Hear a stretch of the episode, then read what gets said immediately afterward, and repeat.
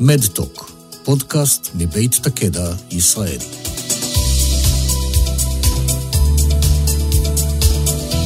שלום רב, כאן ליאת אלון עם פרק נוסף של מדטוק, פודקאסט מבית תקדע ישראל. במסגרת הזאת אנו מביאים לכם נושאים שיש בהם עניין בתחומי הרפואה והבריאות הדיגיטלית, ומזמינים אתכם להתעדכן במידע נוסף הזמין באתר תקדע ובאמצעות נציגי החברה. הפעם אנו מארחים את מוטי גל, אנליסט מדעי מחברת תקדע ישראל. את השיחה היום נקדיש לתהליך שעובר על מולקולה מהמעבדה ועד שהיא מגיעה למדף. אני מאמינה שגם הרופאים שבינינו לא תמיד מודעים לגלגולים הרבים ולאינטרסים השונים שמלווים בתהליך הזה. מוטי, תודה שאתה מתארח בפודקאסט שלנו היום. רגע לפני שנתחיל, ספר לנו קצת על עצמך ועל הרקע שלך. טוב, קודם כל, גם אני שמח להתארח פה ותודה על ההזדמנות. אה, אני, אנחנו נדבר היום קצת על התחום של פיתוח תרופות, שהוא בעיניי אחד היותר מרתקים שיש. אה, למעשה אני הגעתי אליו די במקרה, וחשוב לציין שגם אני, כשהתחלתי את הקריירה שלי מתישהו בתחילת שנות האלפיים, לא, לא באמת ידעתי כמה התחום הזה הוא רחב ומורכב. בישראל לצורך העניין יש פעילות מאוד ענפה של מחקרים קליניים, וזה למעשה אפשר לי להתוודע על השלבים השונים של פיתוח תרופות. ספציפית, אחרי שסיימתי תואר ראשון במדעי הרפואה, התחלתי לעבוד בניהול מחקרים קליניים, וכך למעשה נחשפתי לתעשייה של אה, פיתוח תרופות, לתעשייה הגלובלית. אחר כך עברתי לצד של הסטארט-אפים, אה, עבדתי בסטארט-אפ ישראלי שמפתח תרופות אתיות ואינובטיביות, וגם התוודעתי לאינטראקציה עם החברות הגדולות, עם אה, חברות פארמה ועם קרנות הון סיכון, שהן אלה שקונות למעשה את המולקולות שמפותחות ומשקיעות במולקולות ובחברות השונות. בין לבין סיימתי גם תואר שני במנהל עסקים, שנתן לי חשיפה יותר לצד המסחרי, ולאחרונה גם סיימתי תואר שני בביולוגיה חישובית באוניברסיטת בר אילן, כשאת התזה שלי למעשה עשיתי במחלקה האונקולוגית של שיבא. אז כשמדברים על פיתוח תרופות, לרוב כולם יודעים שמדובר על תהליך ארוך, אבל לא כולם יודעים את ההתגלגלות האופיינית של מולקולה מהרגע שגילו אותה במעבדה, או סינתזו אותה לראשונה, ועד השלב שהיא מגיעה למטופל. תוכל לספר לנו קצת על השלבים ולעשות לנו סדר בתהליכים השונים שעוברת המולקולה? בטח, בשמחה. אני חושב שאת תיארת את זה ממש טוב. יש משפט שמרבים להשתמש בו בתעשייה, אה, באנגלית זה From bench to bedside, כלומר, מהמעבדה עצמה, איפה שיושב החוקר, באקדמיה בדרך כלל, עד שזה מגיע למיטת המטופל, וזה למעשה מתמצת ככה ממש בקצרה תהליך מאוד ארוך. שהמספר אצבע שמדברים עליו זה בדרך כלל 15 שנים, אבל זה מאוד מאוד תלוי מוצר ומולקולה.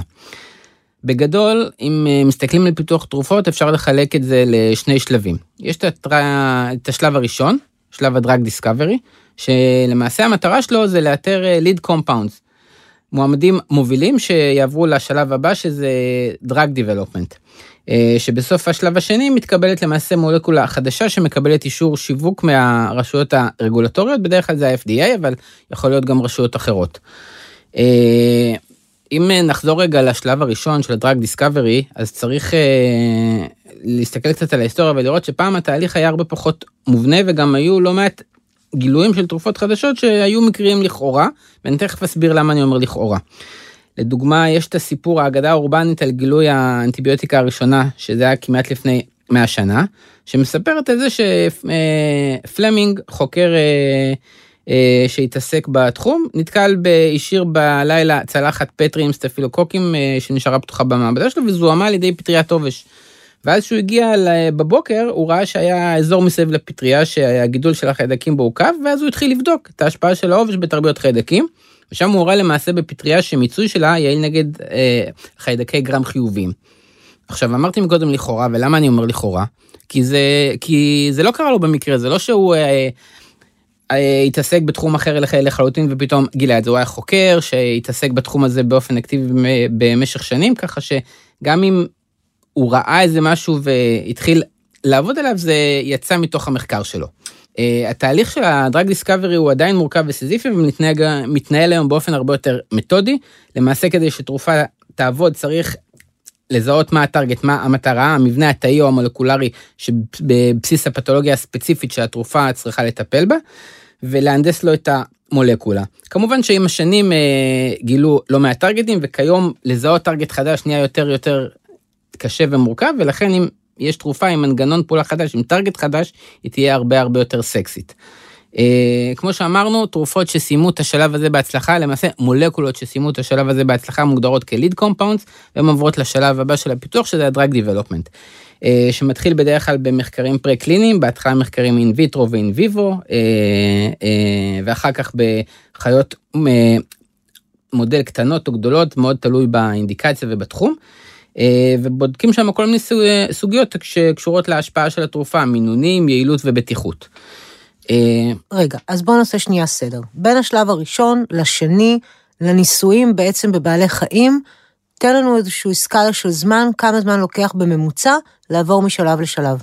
אז לשלב דיסקאברי אין, אין איזשהו מספר אצבע, אבל זה, זה, זה מספר שנים טובות. זה יכול להיות 3-4 אה, שנים אם מדובר במשהו שהוא מאוד מאוד ממוקד מטרה ומתודי, וזה יכול להיות גם תהליכים של אה, עשרות שנים.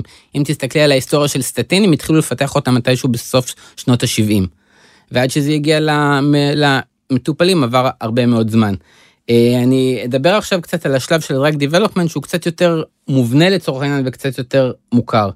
למעשה, כמו שאמרנו, מולקולות שסיימו את שלב ה drug discovery ונכנסו לשלב של drug development, אחרי שהן עוברות את הסדרה של מחקרים הפרה-קליניים, נכנסים לשלב של המחקרים הקליניים, שזה למעשה מתחלק לשלוש פאזות.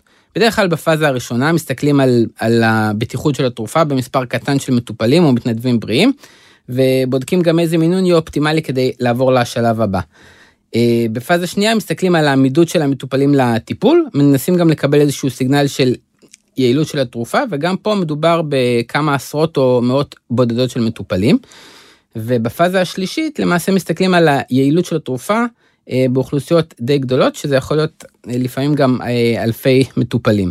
אני רוצה רק להדגיש משהו לפני שניכנס קצת לסטטיסטיקות ומספרים של כמה זמן זה לוקח, שלכל אורך הדרך כמובן בודקים גם את, ה, את הבטיחות של התרופה. כלומר, בכל אחת מהפאזות שדיברנו עליהן, בודקים במקביל את הבטיחות של התרופה. מוטי, איך אנחנו בעצם אה, עוברים משלב אחד לשלב שני בפיתוח של התרופה? אוקיי, אז חשוב אה, להבין שבפיתוח של התרופה יש למעשה סוג של משפך שנעלה, שהולך ונעשה צר יותר ויותר ככל שמתקדמים בשלבים. ככל שמתקדמים, כמו שאמרנו, פחות מולקולות מצליחות לעבור הלאה. שלב ראשון זה יחסית קל, בערך חצי מהתרופות עוברות את השלב הראשון. השלב האחרון, השלב השלישי בערך חצי נכשלות, ולמעשה עיקר הקושי הוא במעבר מ, אה, של פאזה השנייה, ששם 70% מהתרופות נכשלות ולא מצליחות לעבור הלאה. כמובן שזה מאוד מאוד גס ותלוי בתחום התרפויטי. ספציפית באונקולוגיה לצורך העניין האחוזים הם יותר נמוכים, וגם בתוך אונקולוגיה יש גידולים ספציפיים, למשל במוח, שאחוזי ההצלחה בהם הם אפילו עוד יותר נמוכים. אז אם אני עושה חישוב מהיר, אנחנו מדברים שמתוך 100 אה, תרופות שמתחילות פיתוח, בין 5 ל-10 יצליחו לעבור את אה, שלושת המשפחים? אה, תיארת את זה בדיוק נכון, בערך 10% מה, מהמולקולות שמתחילות פיתוח מקבלות בסופו של דבר אישור שיווק. אוקיי, ואם באישור שיווק עסקינן, אה, הזכרת גם אה, מקודם את כל אה, נושא המעורבות של הרשויות הרגולטוריות, תוכל לפרט קצת יותר על התפקיד שלהם בשרשרת הזמן של פיתוח התרופה? בהחלט, לרשויות הרגולטוריות יש תפקיד מכריע. הרשויות בארצות הברית ובאירופה בעיקר. אה, כי הן אלה למעשה שמופקדות על הבלמים והאיזונים של תעשיית התרופות, והן אלה, שהן אלה שמכתיבות בסופו של דבר את השלבים, של ה, את השלבים השונים של הפיתוח.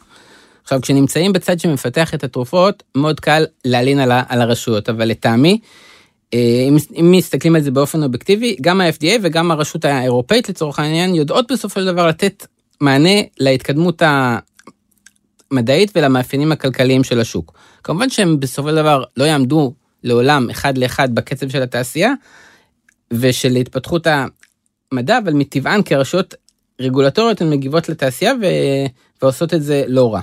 האם היחס של אה, ה-FDA, אה, רשויות אה, רגולטוריות אחרות, הוא שונה בהתאם למחלה? נניח אם מדובר במחלות נדירות, האם יש פה איזשהו שינוי בהתייחסות שלהם? אז בהחלט, אני חושב שנגעת פה בנקודה שהיא מאוד מאוד חשובה. לרשויות יש יכולת ורואים שהן עושות את זה גם בפועל, ל... לא להתייחס לכל התרופות ולכל האינדיקציות ולכל המחלות באותה צורה. אה, יש לא מעט מסלולים רגולטוריים שמאפשרים פיתוח מהיר יותר של תרופות עם הקלות מסוימות. אה, לדוגמה, כמו שאמרת, אה, לפתח תרופות למחלות נדירות, אם זה אורפן דיזיז, מה שנקרא, שיש לזה הגדרה של בערך 200 אלף איש בארצות הברית, ואם מדובר במחלות סופר נדירות, שמדובר בכמה עשרות מטופלים בכל העולם, ול-FDA וגם לרשות האירופאית יש מסלולים שממש נותנים תמריצים לחברות כדי שהם יפתחו גם באינדיקציות האלה. אז מוטי, מאחר והתכנסנו כאן היום גם בכדי אה, ללמוד קצת יותר על אה, גלגולה של מולקולה, הייתי קוראת לזה, אבל גם בכדי להבין קצת יותר אה, לעומק את המעורבות של קרנות הון סיכון בתעשייה הזאת, אני אשמח אם תספר לנו על, על בעצם, על מקום של קרנות ההון סיכון בשרשרת פיתוח התרופה. טוב, אז הקרנות הון סיכון מעורבות בתעשייה הזאת בצורה שהיא מאוד מאוד אקטיביות, ואם אה, מסתכלים על כמות המימון שהם נותנים, אז, אז אפשר לראות שלמעשה לחברות קטנות כמעט אין זכות קיום בלי הקרנות. כי חשוב אה, להבין, כשמגיעים לשלב של מחקרים קליניים צריך כיסים עמוקים מאוד של עשרות מיליוני דולרים, ופה נכנסות הקרנות. לחברות ביוטק קטנות בדרך כלל אין את, ה, את הכסף הזה, ובשביל זה הן פונות לקרנות.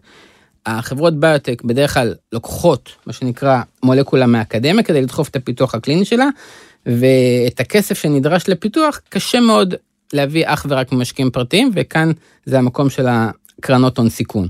חשוב לי לזכור שיש עוד מנגנונים להשיג את המימון הזה. יש חברות ביוטק קטנות שהן מנפיקות בבורסה, אם זה בישראל ואם זה בחו"ל, ויש גם חממות טכנולוגיות שממומנות בחלקן על ידי הממשלות.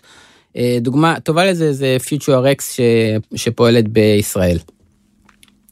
אה, מבחינת קרנות אז אה, שחקנים מוכרים שפעילים בשנים האחרונות בתחום הזה זה אורבימד ישראל שהיא למעשה זרוע מקומית של קרן אורבימד האמריקאית ופונטיפקס שייסד בזמנו אלי הורוביץ. וזה מספיק לדעתך? כלומר, היום בעצם בארץ יש לדעתך מספיק קרנות שהן הון סיכון שממריצות את התעשייה ומאפשרות לה לנוע קדימה? אז אני חושב שהעניין פה זה שלא שאין מספיק קרנות, אלא שאין מספיק כסף. אה, בישראל קודם כל יש מחקר אקדמי ברמה מאוד גבוהה בתחום של ה-Life Sciences, שלפי דעתי צריך לדחוף אותו הרבה הרבה יותר קדימה. אה, אפשר, ויש לזה דוגמאות, אה, יש תרופות שיצאו מישראל כמו הקופקסון, שלטרשת נפוצה שפותחה בזמנו בוויצמן, ויש עוד דוגמאות, אבל בסופו של דבר אין מספיק כסף. אה, יש המון ידע באקדמיה, אין מספיק כסף שידחוף את זה קדימה. אני אתן דוגמה שהיא קצת היוצא מהכלל שמעיד על הכלל, חברת סיקאם תרפיוטיקס, שזו חברה שהתחילה בשיבא, ונקנתה בשנת 2015 על ידי מרק, עוד כשהיא הייתה חברת חממה בישראל, וההיקף הכולל של העסקה היה כמעט 600 מיליון דולר, עם מקדמה של 95 מיליון. ואין הרבה עסקאות כאלה, כלומר אין הרבה עסקאות שחברת פארמה גדולה באה וקונה חברה ישראלית קטנטנה בסופו של דבר והסתייע וזה הסתייע בין השאר בזכות העובדה שזו חברה שהבסיס המדעי שלה הוא מאוד מאוד חזק. מוטי, איפה אנחנו כטקדה נכנסים לתמונה בפיתוח תרופות באופן כללי? אז טקדה יש לה גם פעילות מו"פ פנימית שמייצרת לה pipeline מאוד עשיר של מולקולות.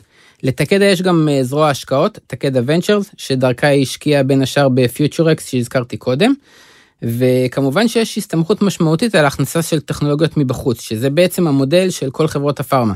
הן לוקחות מולקולות שלא הן פיתחו, מתוך הבנה שלא ניתן להסתפק רק על פיתוחים עצמיים פנימיים בלבד, וממשיכות את הפיתוח שלהם, והן אלה שבסופו של דבר יביאו אותן לשוק.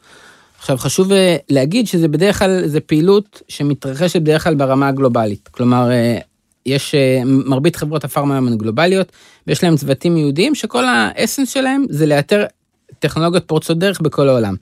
ספציפית, מה שקורה אצלנו בתקדע ישראל זה מאוד מאוד ייחודי. אנחנו עושים את הפעילות הזאת גם ברמת ישראל, כלומר אנחנו מתעסקים באיתור של מולקולות מכל העולם. אנחנו מתמקדים במולקולות שנמצאות בשלבי פיתוח מתקדמים, כשהמטרה שלנו היא להביא את המולקולות האלה לישראל ולשווק אותם בישראל בסופו של דבר.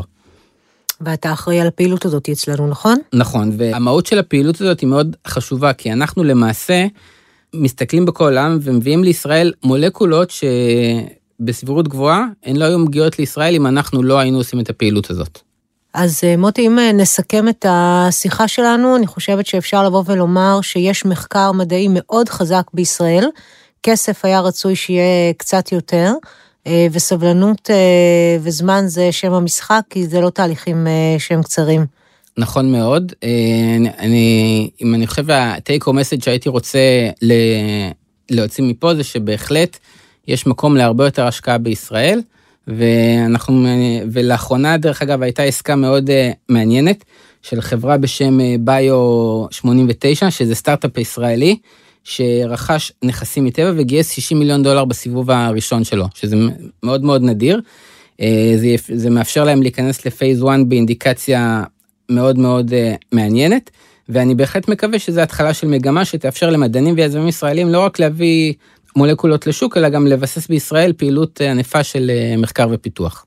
אמן ואמן, זה יתרום לכולנו, אז תודה רבה לך שהגעת לשוחח איתנו. היה לי לעונג, ושיהיה בהצלחה. תודה רבה.